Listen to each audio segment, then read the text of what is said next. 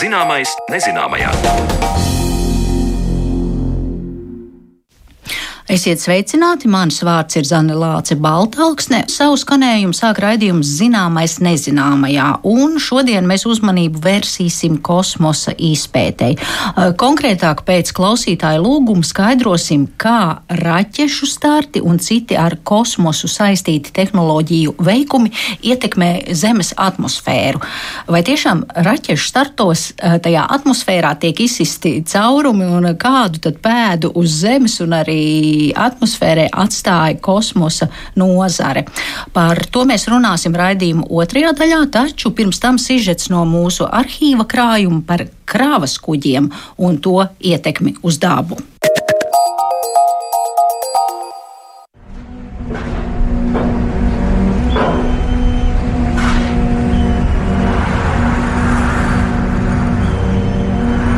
Apsakojumos par to, kuri transporta līdzekļi atstāja ietekmi uz vidi, vienmēr parādās lidmašīnas vai automašīnas, ar ko cilvēkiem iesaka pārvietoties mazāk. Bet kā ir ar kuģiem, īpaši kravas kuģiem, vai arī tie ierindojas saraksta augšgalā kā lielākie piesārņotāji? Par to uz sarunu esmu aicinājusi profesoru Jāni Brūnavu no Latvijas Jūras akadēmijas, kas, starp citu, atrodas uz Latvijā vienīgās īstās salas - Daugaugrīves salas. Un tālāk par to, kādu ietekmi uz vidi atstāja kravas kuģi. Tie var būt 3-5%.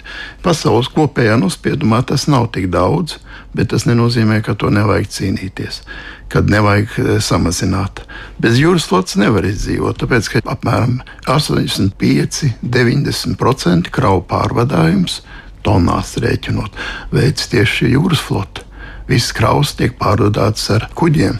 Jo kuģi, piemēram, ja runā par CO2 izmešiem, kas ir globālā sasūšanās iemesls, tad, piemēram, lai pārvadātu teiksim, vienu tonu kilometru, jeb tam līdzīgi, tas ir apmēram 200 reizes mazāk. Būs šī CO2 izmeša nekā ar aviāciju, 18 reizes mazāk kā ar uh, furgonu, ar kravas mašīnu un teiksim, 7-8 reizes mazāk kā ar vilcienu. Tātad šis ir tieši ekoloģiskākais transports. Mm. Ir arī bez tādas CO2, ir vēl tāds viens, eh, kas saka, ļaunuma darītājs, jeb globālās sasūšanas efekta izraisošs, tās ir metāns. Bet bieži vien mēs aizmirstam, ka tas metāns tie tā ir tā dabas gāze kad mēs runājam par gāzi, dabas gāzi, un sakam, nu, ka tur ļoti labi un tam līdzīgi. Lietojot, teiksim, dabas gāzi, dedzinot dabas gāzi, mēs varam samazināt siltumnīcas efektu izraisošo CO2 par 25%. Bet metāns, 1% metāns, visu to kompensēs, jo metāns ir Tātad līdz 27% lielāku siltumnīcas efektu izraisošu. Mm. Protams, ir neliela niansīte, kad šī siltumnīcas efekta izraisīšana ar metānu tas ir apmēram 50 gadu griezumā, ar ogliskābo gāzi ir apmēram 100-120 gadu griezumā. Bet tas patreizējā vismaz esošā perspektīvā ir ļoti svarīgs. Ietekme tāpat ir par eh, izmešiem, kas iet roku rokā ar kravu kuģiem, tad eh, būtu skaidrs, un šeit ir runa par gaisa piesārņojumu. Savukārt, kad es pati vairāk domāju par kravu kuģiem, man īstenībā pirmā asociācija piesārņojuma saistībā būtu ūdens piesārņojums, dīzelis, eļļas. Kā ir ar šo, ja mēs no gaisa tagad pārceļamies uz ūdeni? Tā nav tik traki ja ievēro visas esošās normas un tehnika strādā normāli, mēs reāli nekādu daudz piesārņojumu neatstājam. Patreiz gan koncentrēt arī uzmanību uz invazīvām sugām, to, ko mēs varam no viena reģiona, kādas bioloģisko materiālu pārvest ar kuģi, negribot kā balastu ūdeņus, jo kuģim balastā, kad iet kad bez kravas, viņam jāuzņem diezgan daudz balastu ūdeņu, sevišķi tam kuģiem, un pēc tam tur pirms kravas uzņemšanas citā pasaules malā viņš šo ūdeni izpumpē. Tad mēs te pārvadājam negribētus, teiksim, ciemiņus, arī Baltijas jūrā ieviešas, ir jaunas sugas, baktērijas un tam līdzīgi. Bet nu, tagad ir arī kuģi tiek aprīkoti arī ar dārgu iekārtu, balsta apmaiņas sistēmām, bet šīs sistēmas, kā saka, funkcionēšana arī sapcitu prasa papildus enerģētiskos resursus bet tā šo problēmu novērst. Mm. Tad sanāk, ka mēs vairāk runājam par tādu bioloģisko piesārņojumu, vēl konkrētāk šo invazīvo sugu radītu piesārņojumu, ne tik daudz ķīmisko, kas būtu dīzeļi, eļļas un citi faktori. Nē, ja? E, ar tiem faktiski ir jau tikts galā. No kuģa, kuģis ir šī ziņā praktiski tīrs. Visas tās iekārtas ir pietiekoši perfekts un strādā. Ja vien, nu, protams, nav kaut kāda krimināla bezatbildība no ekipāžas. Mm. Runājot par dīzeli, arī jāmin, ka tas lielāku postu atstāja ne tik daudz ūdenī, bet atkal gaisā ar gaisa izmešiem. Tāpēc automašīnām uz sauszemes jau šobrīd pastāv iespēja pāriet uz elektromotoriem, bet kravas kuģiem, atcaucoties profesora teiktajam, tā vēl ir skaista perspektīva, par ko tiek domāts. Vēl attiecībā uz kravas kuģu atstāto nospiedumu varētu pieminēt arī citus ietekmes uz vidi faktorus, piemēram, sēra un slāpekļa oksīdus. Bet Jānis Brūnaus norāda, ka ar tiem cīņa ir vieglāka un ka ir pietiekami izstrādātas inženieru metodes. Vēl viens faktors kravas kuģu piesārņojuma saistībā ir šo kuģu izmēri. Ja literatūrā paraugās uz kravas kuģu evolūciju, tad redzams, ka kopš pagājušā gadsimta vidus līdz šim brīdim kravas kuģu izmēri ir nemitīgi pieauguši. Pat ja lielākais kuģis vēl nav uzcelts, tad drīzumā mēs varētu sasniegt robežu, kad lielāku kuģi uzcelt vairs nebūs iespējams. Tas saistīts gan ar to, ka visas ostas šādus milzeņus nespēja uzņemt, gan to, ka liela kuģa pielādē nepieciešams laiks, un to būtu grūti samērot ar vajadzību saulēcīgi piegādāt preces.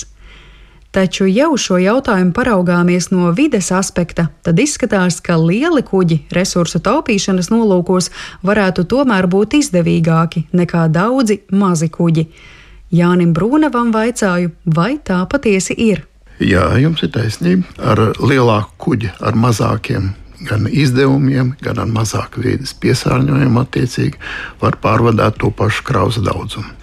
Un, e, tāpēc kuģu izmēri auga, bet tam ir, protams, ostu ierobežojums, tam ir arī remonta doku ierobežojums. Un tātad šeit ir, mēs esam nonākuši pie optimālā kaut kāda izmēra. Lielākie ir naftas tankuģi, kas ir apmēram 250 eh, tūkstoši tonu. Un, eh, kā saka, optimizējās.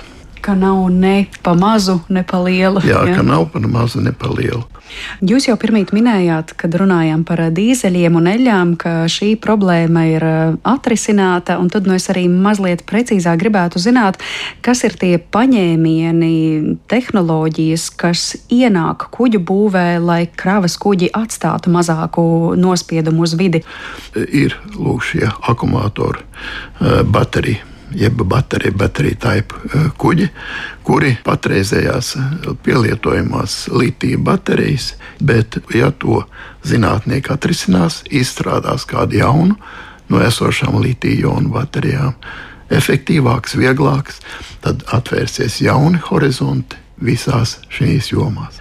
Kad tiks izstrādāts līdz galam eksperimentālās, jau ir tā sauktās vanādija plūsmas baterijas, vanādiem flow baterijas, kurām ir tā, ka mēs izlādētu elektrolītu, izpumpējam un uzpumpējam no krasta uzlādētu elektrolītu. Mums nevajag viņu tā sacīt, tā kā elektromobīli lādēt, pieslēdzot pie tīkla.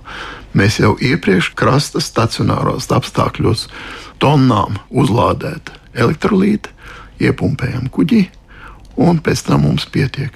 Pēc projekta konteineru kuģis varētu reāli šķērsot Atlantijas okeānu ar uzpumpēšanu, teiksim, Azoru salās, kur būtu šī elektrolīta sagatavošana, un lūk, būtu šeit vēja parks, teiksim, salās, radīta būtu nepieciešamais daudzums enerģijas, un pēc tam kuģis piestātu un neuzņemtu dīzeļdegvielu, bet uzņem šos uzlādētos elektrolītus. Reālais ir ar šo uzlādi pa ceļam, bet nu, varbūt arī, kā saka, var arī pilnībā pašķērsot, un nemaz nerunājot par īsākas distances kuģiem. Piemēram, Norvēģijas fjordos jau e, brauc šādi kuģi, bet varētu teikt, nevis vanādī plūsmas elektrolīta, bet vienkārši ar uz litiju baterijām esošām.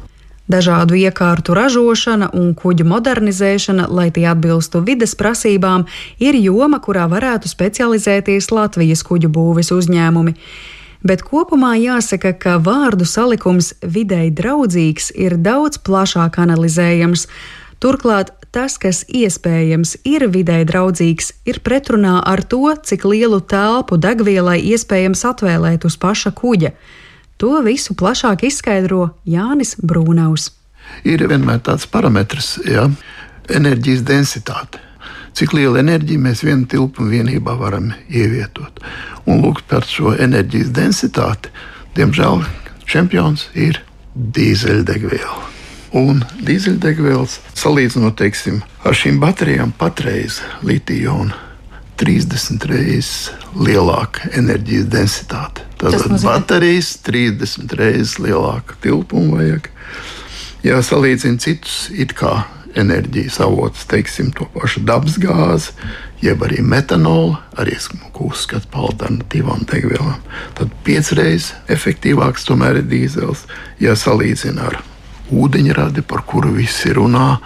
Bet uh, tad ir septiņas reizes. Ūdeņradim vajag septiņas reizes vairāk vietas, pat ja tas ir sašķidrinātais ūdeņradis. Un par ūdeņradi ir interesants stāsts. Mēs bieži vien to neatšķiram, kas ir degviela un kas ir enerģijas avots. Degviela, ūdeņradas sadedzinām, iegūstam brīnišķīgi, nekāda vidas piesārņojuma. Bet kā mēs viņu iegūstam? Jo to ūdeņradi, lai radītu, mums vajag enerģijas avotu. Nu, tukša gaisa jau tas neradīs. Jā, jā, un ja mums tas enerģijas avots ir pilnīgi zaļš, vējš, straumes, saule, tad viņš ir zaļš. Reāli jau šobrīd uh, ūdeņradi joprojām vairāk iegūst caur tiem fosiliem kurināmiem. Iegūstam, jā, caur fosiliem kurināmiem. Vai to zaļumu ir vienmēr diezgan sarežģīts uh, viedokļi. Bija viens vilnis, kad drusku spekulatīvi. Ne bez gāzes kompāniju līdzdalības, es domāju, tika proponēta ideja par stašķinātās dabas gāzes kuģiem. Un ir ļoti daudz kuģi jau uzbūvēti. Tas ir kuģis aprīkots jau, kurā varētu arī uzstādīt šīs tvertnes un tam līdzīgi. Bet mēs visi saprotam, teiksim, pie šīs arī situācijas, dabasgāzes cenām un iespējamības, ka šīs kompānijas ir iegrābušās ar to. Un ir citas labākas alternatīvās degvielas. Tās ir lūk, šīs pirmais trīnieks - amoniaks, glicerīns un metanols. Arī kuģi jau ar šīm eksperimentāli strādā industrija mēģina gūt pieredzi. Bet ir tas, ka šīs trīs vielas iegūstot, ar to saucamo gāzes reformēšanu, gas reforming, jā, mums tik un tā jāpievieno ūdeņradis. Mm. Un šis ūdeņradis ir, protams, jāiegūst, ja mēs gribam būt zaļi, zaļā veidā. Mm. Nu, tad mums mēs nonākam pie saknēm. Vajag zaļo enerģētiku, sauli, vēju, viļņus, paisumbēgumu un biomasa un vēl citas lietas, hidroelektrība. Tad, ja mēs raugāmies uz nākotnes kuģiem, tad tas izskatās tā, ka būs droši vien kuģi, kuriem saglabāsies šis risinājums ar daļēju kādu fosilā kurināmā piedevu, un iespējams būs arī kuģi, kuri pāries pilnībā uz tām eh, ekoloģiskajām baterijām, ko pirmīt raksturojāt. Jā. Jā.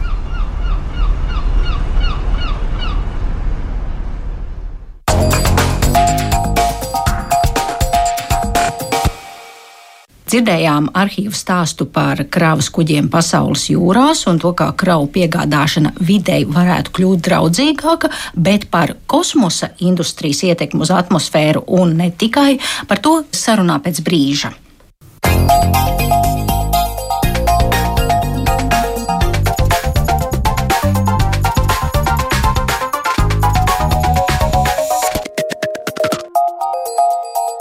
Zināmais nezināmajā.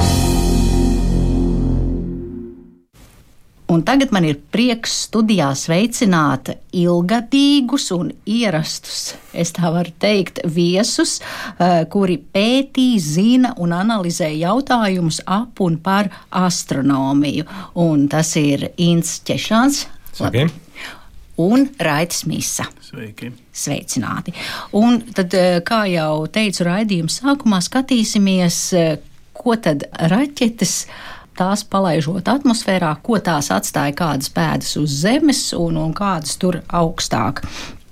Es domāju, ka ik viens no klausītājiem kaut reizi mūžā ir vērojis vai nu pie televizora ekrāniem, vai tagad jebkurā viedierīcē eh, video, kā tiek skaitītas pēdējās desmit sekundes un, un, un Tad uh, kosmosa kuģis ar uh, ugunīgu asti, nezinātniski izsakoties, tiek palaists atmosfērā un lejā paliek milzīgi dūmu mutuļi. Un tad jautājums, kas tie tādi ir, kas uh, šeit sadeg uh, un paliek uz Zemes. Man vispirms jautājums, kurš no jums var pateikt, cik tad uz mūsu planētas katru gadu tiek palaists raķetes? Ir dzirdēts par simts. Šobrīd ir vairāk. Pagājušajā gadā mums bija 180 orbitālie starti. Nav tik daudz kā pagājušā gadsimta 60. bet mēs tam pamazām tuvojamies. Šo startu paliek vairāk. Nu, prognozes ir, ka viņi kļūs stipri vairāk. Tā tad. Pirms plus mīnus 60 gadiem bija pat vairāk. Bija ievērojami vairāk kosmosa lidojuma pirmsākumos, būvēja raķetes, lika uz starta platformām. Tehnoloģijas bija neatstrādātas, viņas sprāga gan starta laukumos, gan pa ceļam augšā. Uh, Bet jā, tā bija. Jā, nu, jā, tā būtiska atšķirība jau, ko Ince iezīmēja, ka tagad tie starti gandrīz viss ir veiksmīgi. Toreiz bija kā nu gāja, tā gāja, bet jā, skaits tuvojās tam. Un, ja mēs skatāmies uz kosmosa kuģu degvielu, vai ir tā, ka tās nu, tomēr nav tik daudz kā lidmašīnas, ka tas ir viens procents, ko sadedzina šajos startos? Daudz, daudz, daudz mazāk. Eh, ja mēs salīdzinām ar pārējo eh, zem, industriju uz zemes, eh, vienalga mēs skatāmies aviāciju, automobīļus, kuģus vai vienalga kādu ražošanu, nu, tad, tad tas piesārņojums, ko nesēja, dodas neizmērojami maz. Es domāju, pat ka virtuvēs mēs vairāk sadedzinām gāzi nekā piesārņojumu radot. Nu, es pam, pamēģināšu ielikt to tādā perspektīvā, lai rastos uh, skaidrs, par ko mēs runājam. Ir aprēķināts uh, šobrīd, kad mums ir šie 150, 180 starti, uh, viņi izmet atmosfērā apmēram 1000 tonnas oglekļa dioksīdu. Varētu šis, ka daudz. 1000 tonnas. Tāpat laikā vis, mēs, mēs kopumā izmetam atmosfērā 40, pār 40 miljardiem tonu. Ja. Tas nu, no otras puses pagriežot šo skaitli, sanāk, ka 100 tonnas sekundē. Katras 10 sekundes 1000 tonnas. Tas ir tas, ko visa kosmosa industrija gadu laikā izmet. Nu, tas, ir, tas ir nenozīmīgi niecīgs skaitlis. Nacionālās okeānogrāfijas un atmosfēras aģentūrai palūdz pētījumu. Nu, kāds ir šis ietekme uz klimatu. Nu, viņi noplātīja rokas, ja nu, viņi, viņi operē ar miljardiem tonu, varbūt ar miljoniem tonu. Tad, kad jūs nonācat pie, pie tūkstošiem, tā ir, tā ir eh, desmit miljonā daļiņa no tā kopējā pīrāga, un tur nav ar ko īsti operēt. Restīvi, jā, protams, tas ir kaitīgi, jā, protams, ir izmeši, bet uz vispārējā fona tas ir piliens jūrā un nu, burtiskā vārda nozīmē. Jā, tā tad eh, piesārņojuma piliens šajā jūrā, bet vai jūs varat pastāstīt, deg, vai degviela ir degviela vienalga, vai tā eh, nāk no mm, autobusa vai no lidmašīnas vai arī no kosmosa kuģa? Uh, šeit, šeit ir mazliet kompleksāks jautājums, jo, uh, uh, ja mēs runājam par automobīļiem, mēs esam pieraduši tur benzīns, dīzels, jā, aviācijā vēl vienkāršāk kaut kādiem kuģiem ar līdzīgi. Raķešu industrijā tur šo degvielu klāsts ir uh, krietni dažāds. Tur ir sākot no ļoti toksiskām lietām, kuras cenšas izvairīties, nu, beidzot ar uh, dzinējiem, kas strādā uz ūdeņradi un skābekli. Ja, un, nu, pirmās ķīmijas stundas tas ir ūdens, kas nāk laukā no dzinēja. Eh, protams, ir arī citi blakus produkti, bet, bet nu, viņi ir salīdzinoši maz.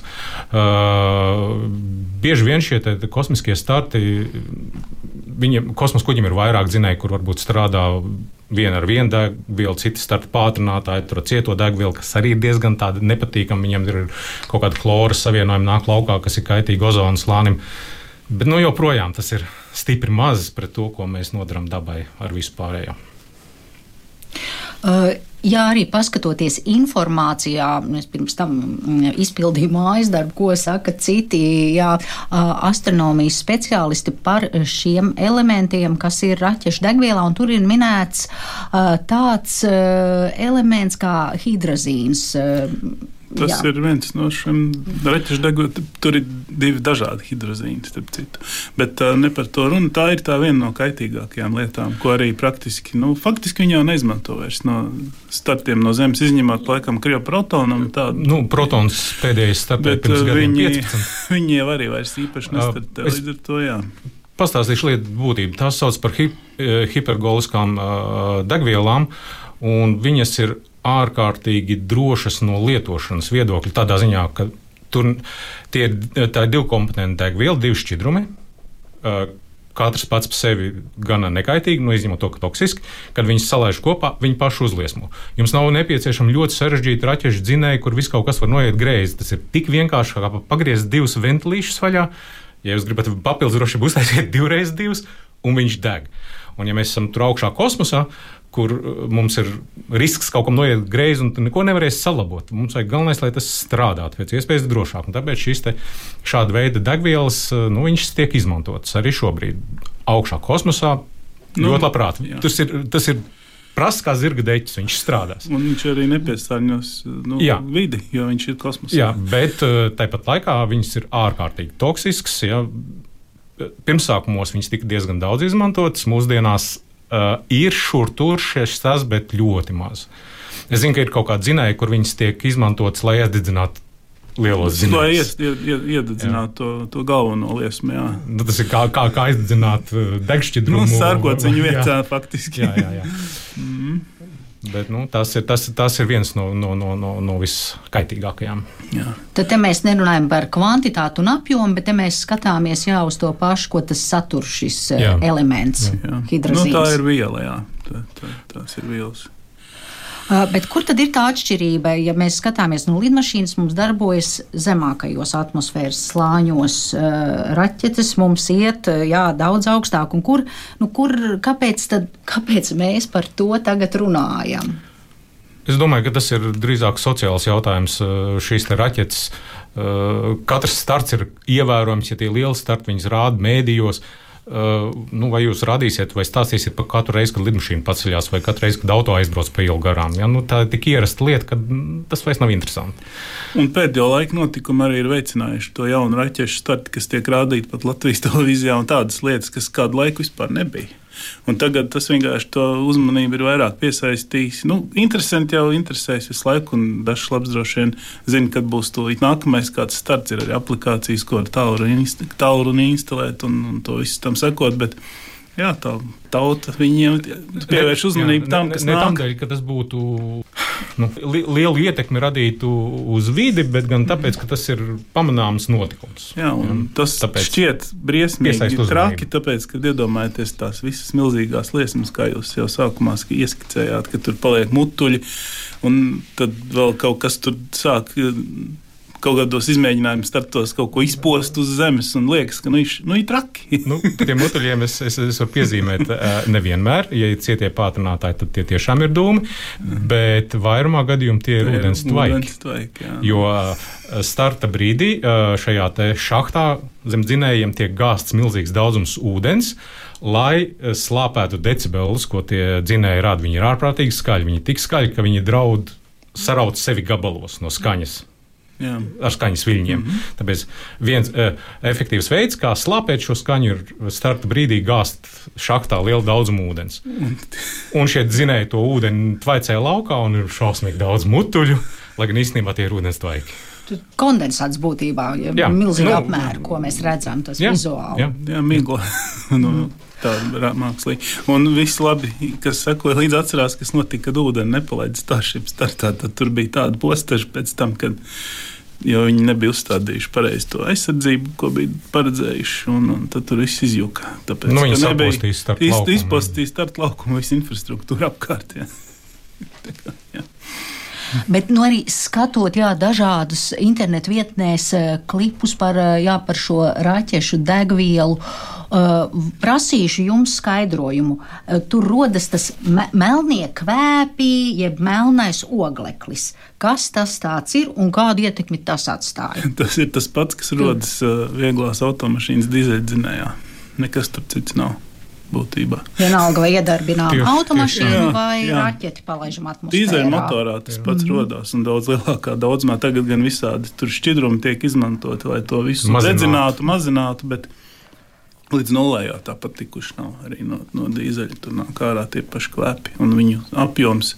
Salīdzinot ar raķetēm, ir noteikti daudz lielāks. Tīpaši, ja mēs paskatāmies, kas te pa ielām braukā, tad Jā, nu vienkārši, ja mēs raķetes varam saskaitīt, tad pagājušajā gadā 180, pamēģiniet saskaitīt automašīnas, kuras to dedzina no rīta līdz vakaram. Jā, ar raķet... kurām apskati iziet noteikti nav iespējams. Raķetei eh, ceļš līdz orbitai un atkarībā no tur ir 8 minūtes, un pārsvarā mhm. tas ir ārpus atmosfēras. Jā, atmosfērā tas lidojums ir nu, kāds 3 minūtes atkarībā no tā, kāda raķeita un kā mēs lidojam. Tur mm -hmm. prasības mainās, bet, eh, bet tas ir ļoti īss brīdis, un, un, un mēs viņus uz pirkstiem skaitām. Ja? Nu, automašīnas kuģi lielie, ja? sevišķi lielie konteineru kuģi, lielie tankuģi, un viņiem ir tāda zinēja, ka Nu. Kur tur ar cilindrā ieiet stāvs un vēl trim vietas pietiek cilvēkiem. Izmešu ir šausmīgi. Un jā. tur viņi izmanto zemākas kvalitātes degvielu. Uh, tur vispār. Atšķirība varbūt starp šiem te, nu, auto pasauli un raķetēm, ka auto pasaulē mēs uztraucamies par šīm lietām. Tur jūs ejat uz tehnisko apskatu, jums tur mēra kāda izmeša dzinējuma tam līdzīgi. Šī kosmosa industrija nu, līdz šim netiek regulēta. Restīvi, katrs, ko grib, to izmet. Jā, es domāju, ka mēs pie tā nonāksim. Varbūt jau vajadzēja. Līdz šim tas varbūt nebija tik aktuāli, jo tas viss ir ļo, ļoti maz. Ja, bet, ja, ja startu jā. būtu 100 tūkstoši gadā, jā, nu, tas būtu būtiski, bet, bet mēs runājam par 100. Bet ir jau arī vēl viena lieta, ka tā jaunā tehnoloģija, ko tagad vairākas kompānijas jau ir izstrādājušas, tas pats Starship, tur jau tiek kā degviela izmantots metāns. Tur nav vairs uh, RP2, un tam jau vairs tās visas izmešu lietas nav tik, tik nu, tas tā kā gāzes plīte, zināt, arī kaut kas jau tur rodas. Jā. Bet... Nu, joprojām jautājums par degvielām, viņas ļoti, nu, ļoti viņas, daudz jā, un dažādas. Jā. Jā, īstenībā lielais vairums šo nesēju izmanto petrolē. Kā, šobrīd, kā šobrīd petrolē. Petrolē līdzvedam skābekli, ar ko dedzināt, kas kā. Nu, kā jā. oksidētājs. Ja, jo, nu, kā, kā dīzels, principā, kā lidmašīna. Jā, jo, jo, jo šeit, šeit jūras līmenī mums ir pietiekami daudz skābekļa. Mēs aizdzinām ugunskura, viņš deg mums skābeklis, ja, bet tikko mēs esam 10-11 km augstumā, tā mums viss ir jāved līdzi. Eh, bet kā nu, ja mēs runājam par šiem ozonu caurumiem, mm -hmm. un mēs skatāmies tagad uz tiem caurumiem atmosfērā no eh, dažāda kalibra šiem gaisa kuģiem, mm -hmm. pavadoņiem mākslīgajiem? Uh, nu, pavadoņi mākslīgie būs daudz augstāk, tam nav nekāda sakara, bet mm -hmm. startējot šie nesēji, protams, viņi iz, izurbjās cauri ozonas lānim taiskaitā, bet te atkal jāņem vērā mērogs. Tas ir, nu, nezinu, stādieties Baltijas jūru, iemetiet iekšā vienu akmeni, tur kaut kādu viļņīšu no, novirmoju, un tagad jautājums, vai pie Gotlandes to manīja vai nemanīja. Ja, nu, mm. Tas ir kā, kā lielā, lielā kaut kādā palagā radatiņa, tur mazliet padurstīt, un viņš, viņš sauc kopā. Bija mums ar ozonu, ar ozonu problēmas pagājušā gadsimtā līdz, līdz 90. kad bija tie lielie ozonu caurumi tuvāk poliem kas bija dēļ, dēļ dažādām aerosoliem un, un, un, un freonu, ko izmantoja leduskapjos un citu, kas noārda šo ozonu slāni. Bet pasaule ir saņēmusies, un, un šīs industrijas pamainījusi, un tagad jau gadu 23 mums tas ozonas slānis atjaunojās. Protams, ka eh, šis nesējs, kurš iztriecās cauri ozonas slānim, eh, nu, kaut, kādu, kaut kādu kaitējumu nodara, bet joprojām tas ir tas pats piliens jūrā.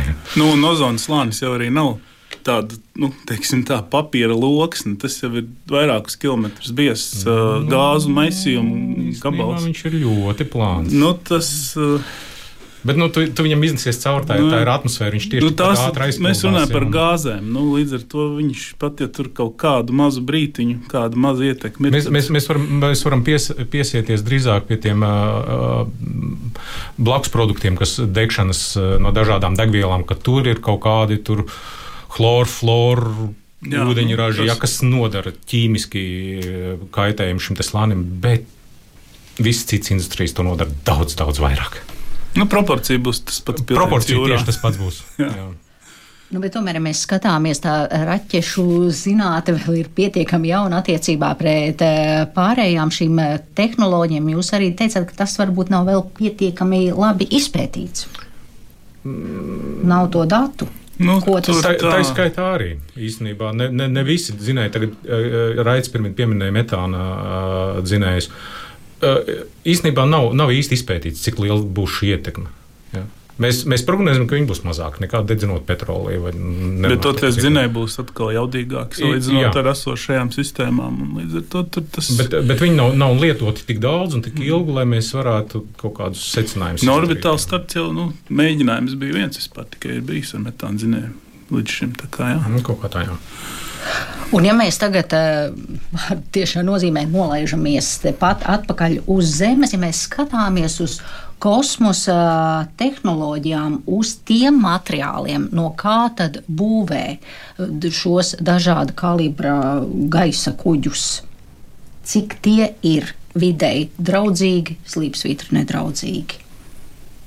Nu, tā laikam atkal jāvelk ārā tā pati atbilde, kas visu laiku ir. Ar ko tas neatšķirās, piemēram, no lidmašīnu vai mašīnu būvniecības? Nu, pēc būtības. Tikai mērogs atšķiras. Mērogs atšķiras, bet savukārt atkal ja mēs uzbūvējam ne, nepilnas 200 raķetes gadā, tad paskatieties, cik mēs kaut kādus tos pašus kuģus uzbūvējam, vai, vai automobīļus, vai lidmašīnas. Un, un, un es domāju, ka tā, tā, tā būvēšanas process tas vēl jautājums, kurš ir kaitīgāks. Ja? Nu, nu, nezinu, bet es pieļauju, ka, ka gan tur, gan tur ir diezgan līdzīgi. Mēs, mēs, mēs ražojam kaut kādus materiālus, tur ļoti daudz visādas ķīmijas un apstrādes iesaistīt, vai vienalga, vai tās ir plasmas vai metāli vai, vai vēl kaut kas keramikas visāds. Jā, un netiek jau izmantoti nekādi supermateriāli. Viņi ir, ja viņi ir supermateriāli, tad viņi ir supermateriāli gan lidmašīnā, gan raķetē. Nu, tur tā starpība vairs nav tāda. Raķešu pasaulē varbūt ir mazliet vairāk inovāciju, ja kaut, Jā. kaut kas jauns tiek izdomāts. Bet, bet uh, mēs runājam par ļoti mazu mērogu. Jūs pašā sākumā teicāt, ka tas varētu ar laiku palielināties. Es nezinu, es, var, es personīgi esmu ļoti skeptiski skeptiski runā par to kosmosa turismu, bet nu, jūs šajā jomā esat zinošāki. Un jā, prasīšu jums, vai nu, tās nākotnes prognozes, ka būs tā, ka nu, katru dienu tiks šautas gaisā tur eh, viena, divas, trīs raķetes. Es domāju, ka tiks. Ja, kā, kas būs iemesls, vai tas būs turisms vai kas cits, eh, nemāku teikt. Uh, turisms, es pieļauju, ka viņš kļūs uh, lētāks, bet tas joprojām ir nu, pat ne miljonāriem, man liekas, miljardieri. Ja tur nu, lauciņš. Tur, ja miljonārs ļoti gribēs, viņš varēs saņemties un to izdarīt, Jā. bet tas nebūs viegli. Viņam. Tas, tas nu, tāds plašām masām pieejams, tas, tas nebūs ļoti, ļoti ilgi. Es mm. godīgi sakot, domāju, ka būs jāizdomā jaunas principiāli tehnoloģijas, lai tas kļūtu pieejams masām. Bet tas, ko jūs teicāt par divām reķetēm dienā, tas jau nav tālu. Ja mums tagad ir gadā simt, nu, pie 200. Tad, nu, tad, nu, raķeti tad tā ir trešdaļa no tā, kas ir vajadzīgs, lai būtu divas raķetes dienā. Tas ir pilnīgi reāli sasniedzams, ņemot vērā to, ka tomēr šīs izmaksas samazinās, tehnoloģijas kļūst. Nu, drošāks pirmkārt, jau līdz ar to arī var biežāk. Tos... Interesi nogādāt kaut ko augšā tikai palielinās. Mm -hmm. Pēc, es domāju, to startu būs aizvien. Divas raķetes dienā, es domāju, drīz būs. Tas nav Jā, ilgi jāgaida. Nu, negribētu tos dikti prognozēt. Es pieļauju, ka tas varētu būt desmit gadu jautājums. jā, jā es domāju, noteikti. Jā. Pietiekoši drīz katrā ziņā. Jā, es vēl uh, vēlos pakāpties atpakaļ par to degvielu. Ja mēs uh, atkal līdzības paralēls ar automašīnām šeit uz Zemes runājam par uh, daudz zaļāku degvielu, par elektroautorātu, vai arī notiek pētījumi raķešu degvielas ziņā un tiek domāts par kaut ko vidēji draudzīgāku. Es pieļauju, ka cilvēki par to domā, bet pat cik tas ir tik mazs tas lauciņš uz kopējā fonda, tad uh, es domāju, ka priekšroka vismaz līdz šim tiek dota, lai tie dzinēji būtu ekonomiskāki, uh, jaudīgāki. Nu, tā, tās ir prioritātes. Ja. Protams, ja iet runa par, par kaut ko tik kaitīgu kā šīs te, uh, hidrozīna degvielas un tam līdzīgi, ja, nu, no tām cilvēki ir atkāpušies iespēju robežās, bet uh, Citādi nē, tas, ne, A, tas kā teicu, netiek regulēts, un B, interesi ir citur. Uztaisīt jaudīgāk, uztaisīt drošāk, uztaisīt mm -hmm. lētāk. Ja. Tā ietekme uz vidi tur mazliet tāda otršķirīga ir īstenībā šobrīd. Jautājums. Jā, un galvenais iemesls ir tas, ka viņi nu, mērogos ir neliela tā ietekme. Līdz ar to jā, tur citi faktori spēlē daudz lielāku lomu. Pilnīgi saprotam, ka klausītāji pacēla šo tēmu, jā, jo tā ir. Mēs redzam, kā nesējas startē. Jā. Ja, bet, nu. Jo jāsaprot, tas, ka vēl joprojām tie raķešu starti, tas ir kaut kas tāds, kas ir grūti izdarāms. Tas nav vienkārši. Pat ja tas izskatās, ka tur katru dienu Falkons startē, bet ne, tas jau ir ļoti sarežģīti un vēl joprojām grūta lieta. Līdz ar to jāņem tas arī vērā. Tāpēc ir tie citi aspekti, kas uh, iet pa priekšu tomēr ekoloģijai šajā gadījumā.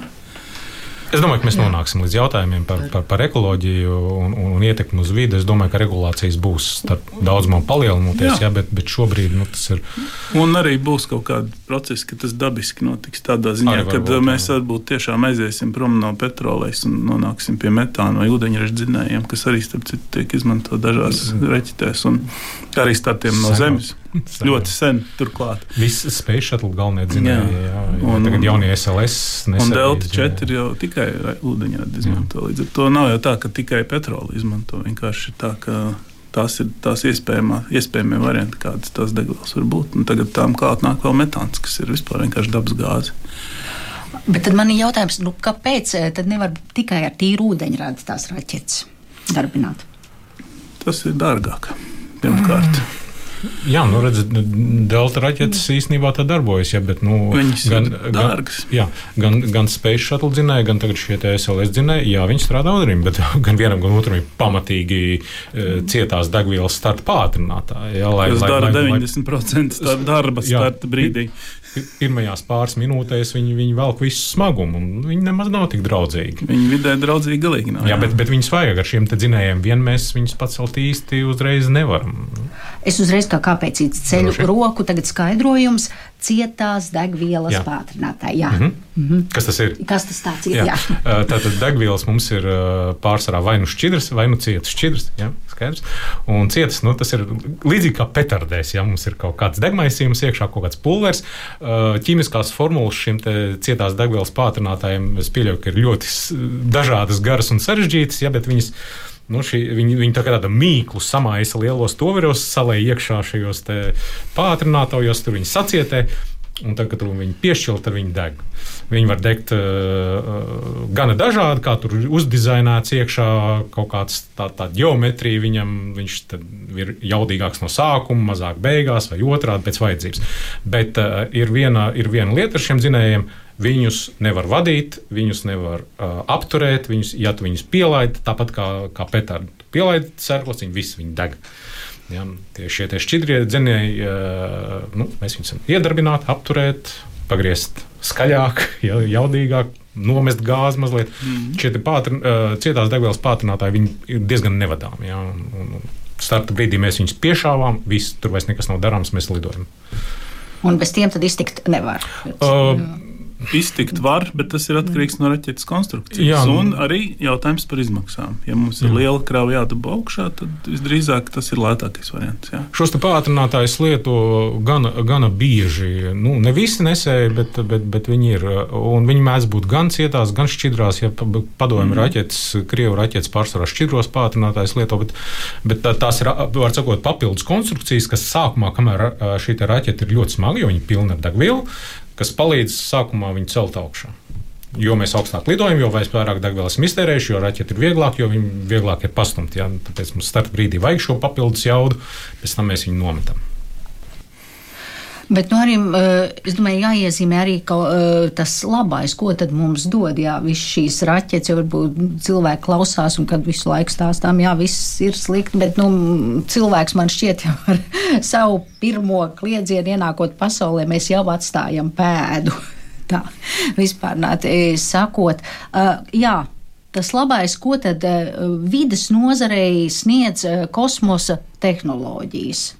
Es domāju, pirmkārt šīs vidas novērojumi ir pats pats galvenais. Ja, jo, jo Es domāju, ka lielākā daļa no datiem tiek vākta šobrīd no orbītas, no dažādiem pavadoņiem. Vienalga, vai mēs pētām atmosfēru, vai jūras, vai, vai geoloģiju kaut kādu.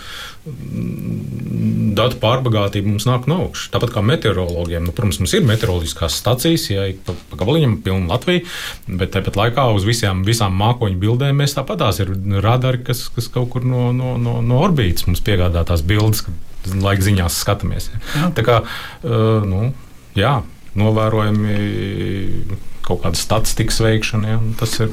Un arī tīri tā praktiski. Ja. Mēs zinām, ka būs liela vētra. Mēs varam tai vētrai sagatavoties. Tautsēmniecībai nodara mazāk zaudējumus. Līdz ar to tiek patērēts mazāk resursu, lai atkoptos no šiem zaudējumiem. Un tur jau ir runa par miljardiem naudiņu. Tur nav vairs. Tas ir planētas mērogā. Jā, jā planētas mērogā. Tas ir vēl viens pienesums, ko varbūt tieši neizmērīs, bet viņš noteikti eksistē, ņemot vērā īpaši neseno pieredzi par kur tā valsts bija, kur vispār nezināja, ka nāk vētra cilvēki, un tas bija briesmīgi. Un viņam, es domāju, tur bija traki tikai tāpēc, vien, ka viņi nespēja tam sagatavoties. Tagad jau mēs katru dienu klausāmies, kādas mums laika apstākļi nāk virsū, vai arī gluži otrādi nekas nenāk. Mēs to zinām iepriekš, vismaz diennakti iepriekš noteikti uz vidi man nāk prātā, ka dažkārt jau ne jau tie nesēji, dažkārt kravas ir bīstamās. Ja, ja, mēs, ja mēs ceļam augšā kaut kādas zonas, kurām paredzēts lidot tur uz ārējo saules sistēmu vai Marsa roveri, ja, kuriem vajadzēs ilgstošu enerģiju no saules būs maz, tad viņi, piemēram, ved līdz uh, radioaktīvās baterijas, ja, kas ir tāds nu, līdz, līdz sarkankvēlēji nokaitēts urāna, uh, plutonija, plutonijas. Ja. Jā kas izdala siltumu, ražo elektrību. Nu, Bet viņš ir radioaktīvs. Jā, nu, un tagad stādieties priekšā, ka šis starts. Nu, kaut kas nogāja greizi. Viņš nogāzās apkaļ uz Zemi. Varbūt tas Plutonas super mega radioaktīvais klūcis nogāzās, kā, nogāzās kādā apdzīvotā vietā. Tie vienmēr tiek uzskatīti par ļoti lieliem riskiem. Tāpēc nu, ar lielu piesardzību un, un, un, un dažādiem papildus drošības soļiem, ja šādas baterijas tiek liktas iekšā un šautas augšā. Cenšas izvairīties no tā, bet uh, to nu, dara. Jā, to, tas ir arī savā ziņā tas pats, kā mēs nevaram iztikt bez kaut kā arī bez šiem, šiem enerģijas avotiem. Tais, tālā, tālākajās zondēs. Tur vienkārši to nevar uzbūvēt. Tad. Un, un, bet uh, labā ziņa ir tā, ka parasti šie starti notiek virs okeāna. Un tad, ja viņš kristu, tad viņš iekristu pie zivīm, kas, protams, arī nav labi. Bet uh, nu, viņš vismaz nenokristu tur lielpilsētas centrā. Nu, jautājumā par Par vidi. Par vidi, par ietekmi uz vidi, par riskiem. Jā. Jā. Nu jā, to mē, mēs zinām. Ikviena mūsu darbība pēdu atstāja. Tāpēc mēs šeit studijā skatāmies un mērām, cik tā pēda liela, cik zaļa, cik netik zaļa. Jā, es saku jums paldies par sarunu. Atgādinu, ka studijā bija divi astronomijas entuziasti Raitis Misa un Inns Češāns. Šo raidījumu sagatavoja Zane Lāce Baltalksne, operatori bija Nora Mitspapa, par mūziku gādāja Girts Bišs un uz tikšanos citos zināmais nezināmajā raidījumos.